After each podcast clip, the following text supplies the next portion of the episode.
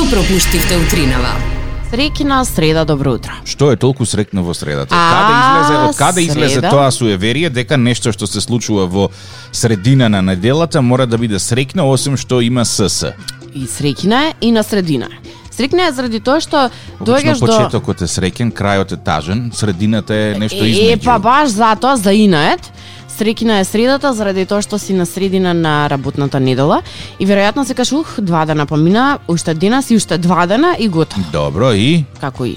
па и Дали не ти е среќно на 15 ти кога ќе стаса плата да речеме? Не. На, на среќен на среќна средина на месецот. ако стаса, Па. под услов да стаса. Е па стасува, нели? И ти си најсреќен на средина и мислам дека од таму е средината, а и не оди подалеку, на средина на жената и мажот, нели, постојат и они органи, органи за кои што постојат, за кои што се наменети за уживање. Mm -hmm. Така да мислам дека средината има многу убави работи, нуди, општо во животот. Се на средина некако е убаво, на средина на годината, на средина на месец, на средина на неделата, на средина на одморот. Убаво е некако. На средина на патот до никаде. Па добро е и кога си на средина си среќен, патуваш, се движиш, добро е, си даваш надеж, ќе дојдеме до крај. Зашто види, краевите се или среќни или тажни. Така е. Значи некои завршуваат со среќен крај, некои со разделба на крајот, нели? Така е. И затоа крајот не може да биде издефиниран како среќен крај, да речем среќен петок. Така може би од таа логика, поима немам се траскам глупости, ама некако убаво ми се сложи. А, почетокот исто така може да биде многу тежок, пате Добро. може да биде тажен, тажен Да. почеток, после некоја разделба, после некој тежок период. Меѓутоа средината е пер- период каде што веќе се навикнуваш на нештата и ова зборам само за месеците и за пат, Аха. патиштата. Не се навикнуваш на други работи. Е, така што сметам дека средината е убава работа. Може би затоа е срекна свет. Почитувани слушатели, ова беше ретроградниот Меркур во пракса. да, како тоа, што се случува кога се бајле ќе станеш на лева нога. Ау, зошто така мислиш дека Затоа сум што е станата? срекна среда.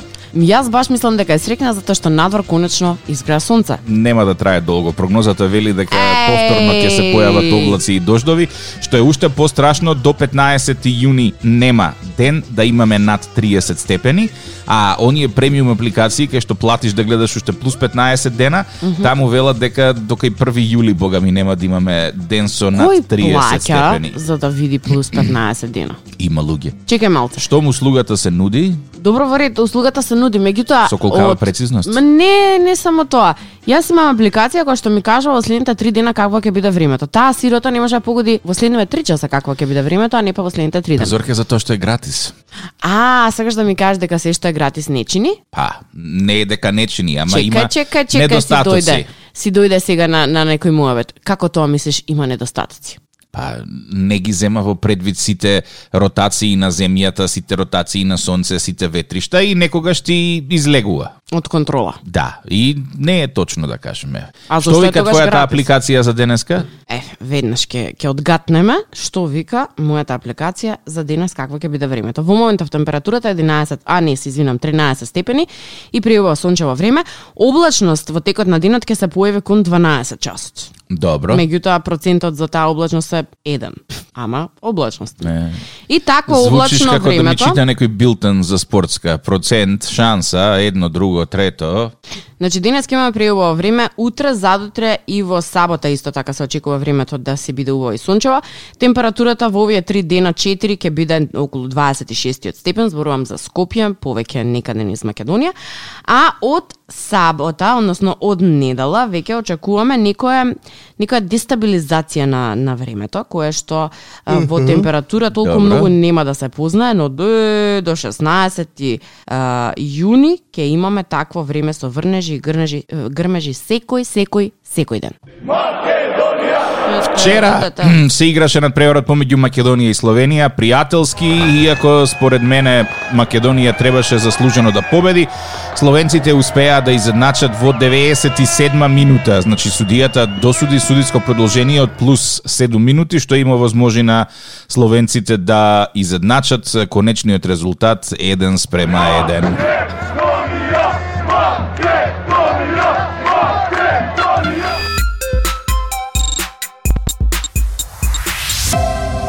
Комисија за заразни болести ги предложи новите мерки кои што предвидуваат неносење маски од вчера, арно ама владата забораи да ги изгласа на седница во текот на денот, па ги изгласаа вчера во текот на денот, а на сила официјално ќе стапат од денеска. Чекај, сакаш да ми кажеш дека вчера сум направила кривично Да, дело? Да, да. А јас вчера, колега, Не само ти сите.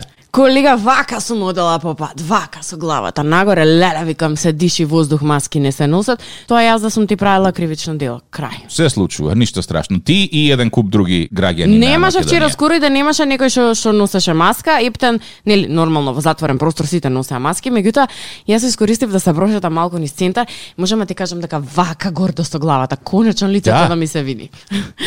не не успеа ти да се прошеташ вчера без маска? Се, како не, цело Скопје го премерив, ја дури толку радосен вчера што и во странство отидов.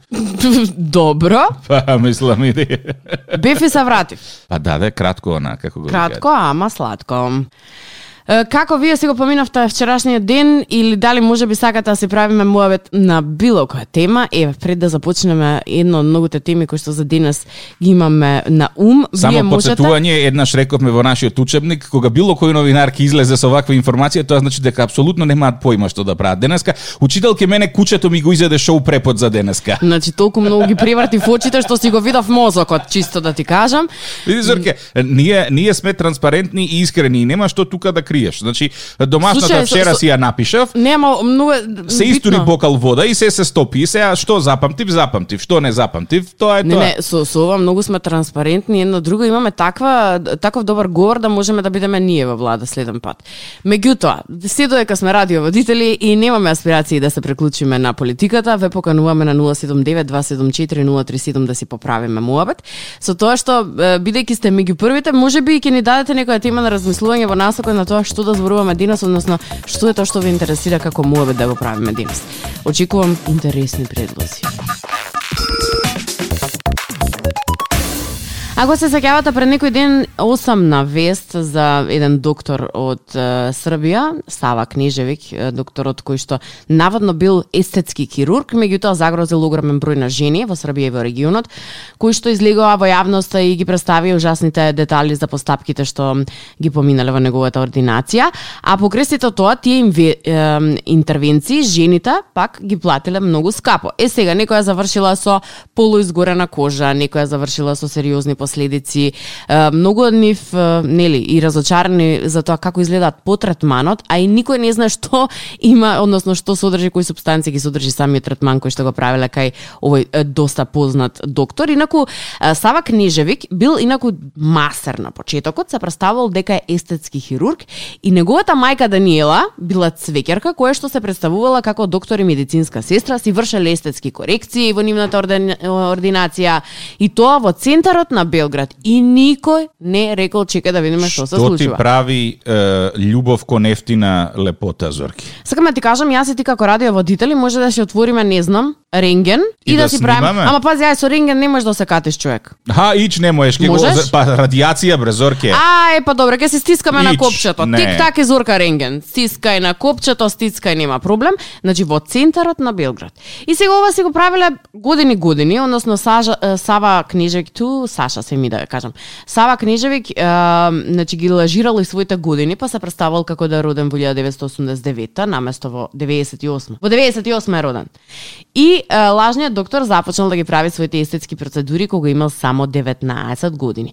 Од моментот кога започнале приказни за жените што ги изобличил, тој ја затворил канцеларијата и исчезнал, а беше уапсен вчера во Белград заедно со неговата мајка Даниела, а рочиштето е закажано за следниве денови. Следен пат која ќе сакаш да Приказната не некаде. завршува овде, колега. Затоа и го почнав маветот. Приказната продолжува со тоа што откако минатата недела во Србија беше уапсен лажниот естетски хирург Сава Книжевик, во понеделникот при бегство од земјата е уапсена докторката шарлатан Олгица Маркановик. Таа била приведена во моментот кога се обидела да ја премине границата со Хрватска, а во март годинава група жени и мажи тврделе дека биле обезличени со третманот во салон за убавина воден од Маркановик за што ја ја тужеле. Значи, една господја која што била таму, Добра. Вели отидов кај неа за корекција на носот и наместо радост и задоволство буквално преживеав пекол и се уште го живеам. Маша. Друга госпоѓа вели на вратата си стоеше естетско студио.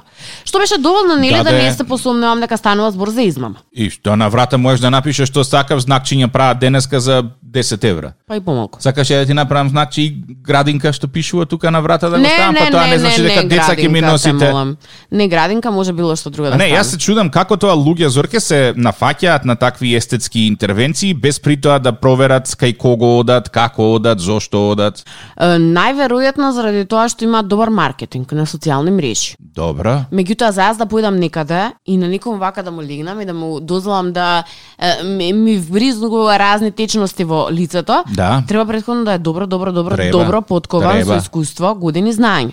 Да кажеме ако си залепи диплома на зид, Е, добро, дали да. закачена диплома на зид за тебе би бил валиден доказ дека лицето е стручно. Па не баш. Ама знаеш што ме плаши? И двајцата лажни доктори имале фенси студија. Значи, онака влегуваш и ти гледаш луксус, раскош, си кажеш, хм, ова сигурно Да. не е отворено туку така, ова сигурно има е, некакво си искуство. И наместо тоа студио како такво, да земеш сакам да бидам газдарица на естетско студио, така? Ти Да. вработам човек кој што си ја знае работата години години наназад, наместо да експериментирам на екшели живи луѓе. Добро, твоево држи вода до некаде, ама пак ќе кажам, јас е, до некаде го обвинувам системот, ама до некаде ги обвинувам и лицата кои што се подлег, подвргнуваат на такви активности без при тоа да знаат кој што како им им прави. Види, не постои жена која што не сака пополни усни, позатегната кожа, поубав нос, помал нос, нели сите тежнеме кон мал нос, убаво лице, негувано и така натаму и така натаму. Меѓутоа сега во последно време излегува толку многу Вакви ама лекари, толку- надри лекари. лекари, надleri, лекари, па дури и луѓе кои што а, блуат по социјални мрежи за одредени производи дека се добри или не се добри, а при тоа немаат никаква позадинско знаење, никаква позадинска ем, е, ајде да кажам, никакво позадинско познавање во таа област, меѓутоа еве јас како Зорка ќе земам кафево е предобро. Убава мирис. Чекај малку, од кај ти Зорке сега седна да раскажуваш за кафето. Меѓутоа кафе е кафе. Правиме муабет за сериозни производи кои што ги ставаме на лицето и кои што можат при тоа да ти нанесат сериозни штети. Е, целата поента и заклучок од овој муабет, бидејќи нема многу време, вести треба, овој точно време треба да стаса, е дека внимавајте каде е, одите, на кому ги давате своите пари, на кому го доверувате своето лице и своето здравје.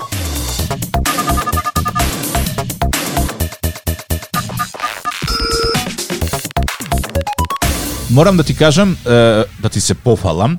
Добро. Вчера, после долго-долго размислување и експериментирање со разно-разни тавчиња, кои што не лепат, кои што се керамички, кои што ти гарантираат експресно оф. брзо пржење на храната, се вратив на ај погоди што. Не знам. Стара Тава? гусена тава А, која што тежи, па да, да не се лажеме, околу 2,5 килограми.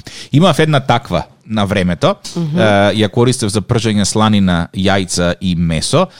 Немаш појма колку добро пржи. Ама има еден куп марифети кои што треба да ги направиш пред да да профункционира Добро. тавата, а првиот и основен марифет, не многу луѓе го знаат ова, е дека треба да земеш да ја премачкаш со со зејтин или со путер, со салфетка и да ја ставиш во рерна да се испече на максимална температура, значи околу 250 таму се рерните, од 30 до 60 минути за да се запече зејтинот во тавата. Тоа ќе елиминира подоцна храна да се лепи и е, ќе ти даде една така убава доза на, на крцкавост на, на мевцето која ќе го правиш во гусената тава.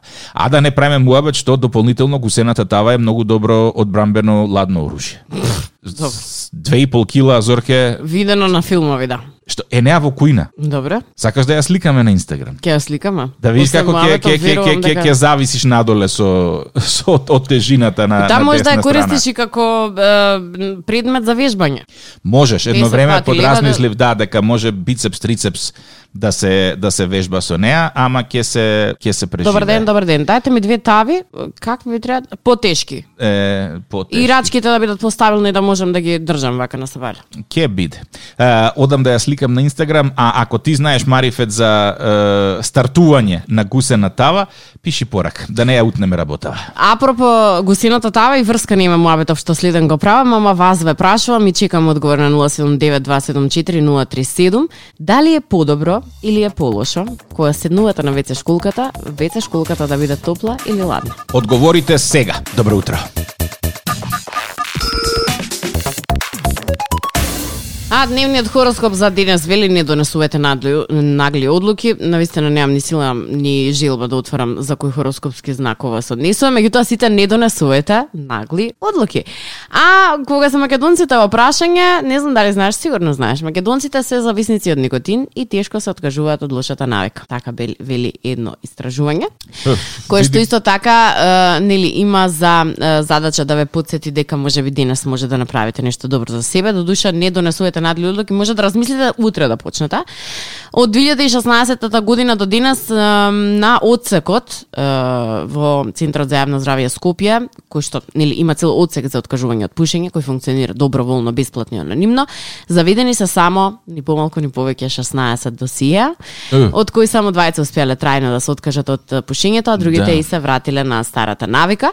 Секој втор граѓанин во Македонија пуши цигари? Многу, не сум сигурна дека многу, секој многу, втор. многу се пуши. Е, и тоа по дампинг цена, нели? Една кутија цигари на пример во Австралија е некаде 17 евра, ако не се лажам. Да. Додека во Македонија е евро и половина до 2, па поради тоа граѓаните можат да си дозволат да испушат и по 20 цигари дневно. Ние треба да размислиме да правиме тобако туризам во Македонија, да носиме австралијанци со ефтини прекуокеански летови за да може тука да пушат.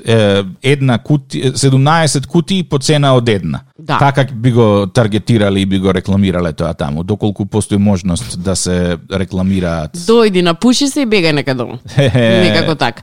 Инаку овие фрапантни податоци што не рангираат помеѓу 10 најголеми зависници од никотин во светот и натера регионалната канцеларија на Светската здравствена организација да препорача владата да направи стратегија и да обезбеди помош помеѓу граѓаните за да почнат да се откажуваат од тутунот. Е сега направена е препорака, но дали на вистина тоа ќе се случи, еве не знам. Е, помеѓу е, другите доктори кои што зборувале на оваа тема, е, вели клиентите се пријавуваат за два методи со протоколи. Едната метода е групна, а другата е индивидуална терапија. Добро. Е, значи, е, целата програма и индивидуалниот третман вклучил до сега 16 клиенти, што за мене бројката е многу поразителна и верувам дека доколку повеќе луѓе знаат дека во Центарот за јавно здравје може да добијат ваква терапија, би требало да се пријават оние кои сериозно и особено сакаат да се откажат од пушењето. Вели ем, лицето кое што нели престанува да пуши по 28 дена ја губи е, желбата за никотин, односно се чисти телото од никотинот. Е, така велат. Меѓутоа психолошката желба за никотин трае многу многу подоцна. Е, исто така се нагласува дека лошата навика е еден вид удобен кревет кој што тешко се напушта. Добра. Јас се согласувам за многу навики, Да. не само за пушењето, за многу лоши навики. Е, лошата навика е како удобен кревет од кој што не сакате да станете наутро. Инаку, о- она што е доста интересно е дека според откажувањето и истражувањето, само 19% од сите моментални пушачи се обиделе да се откажат минатата година, а просечно издржувале без цигара нешто повеќе од 90 дина.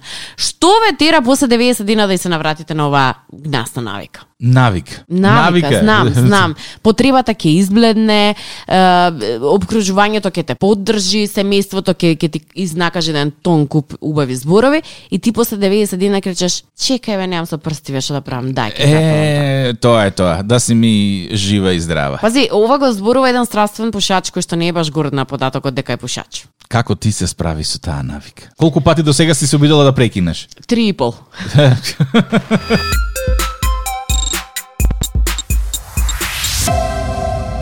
Кој рано рани, со време ќе си ја заврши работата. Првиот роден ден е за Сашо. Сашо. Што знаеме за Сашо Зорке?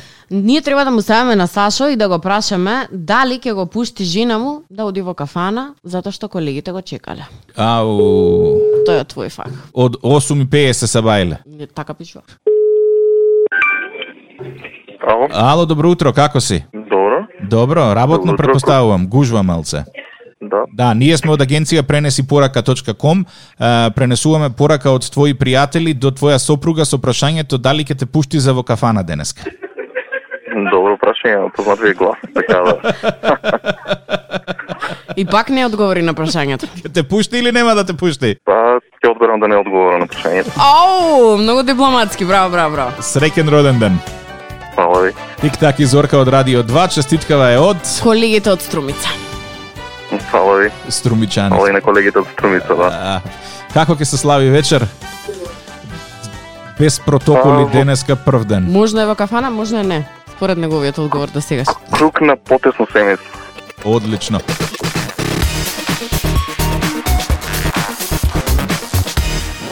Денеска роден ден број 2, народски кажено анонимен роден ден. Од сопругот за сопругата, а ниту знаеме сопругот како се вика, ниту сопругата, знаеме само дека сопругата работи каде, Зорке? Во е, Болница. Гевгелија, да, воопшто болница Гевгелија како педијатар. А, 20 минути скролам, не можам да го најдам родина. тоа е тоа, кога текна. Ало, докторке, добро утро! Добро утро. Како сте? Добро.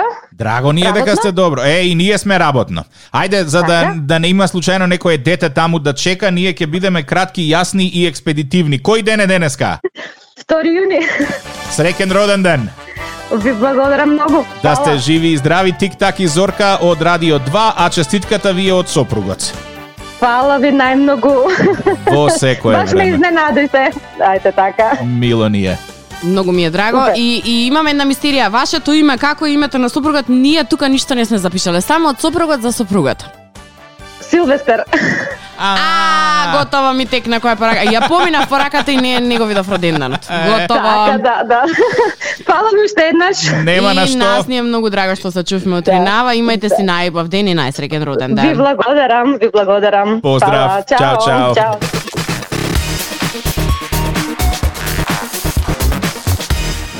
Добро утро, многу интересно кога е, нешто очекуваш да ти се случи и се што е околу тебе те, те носи некако како патокас дека аха, ова е следно што треба да се случи следно.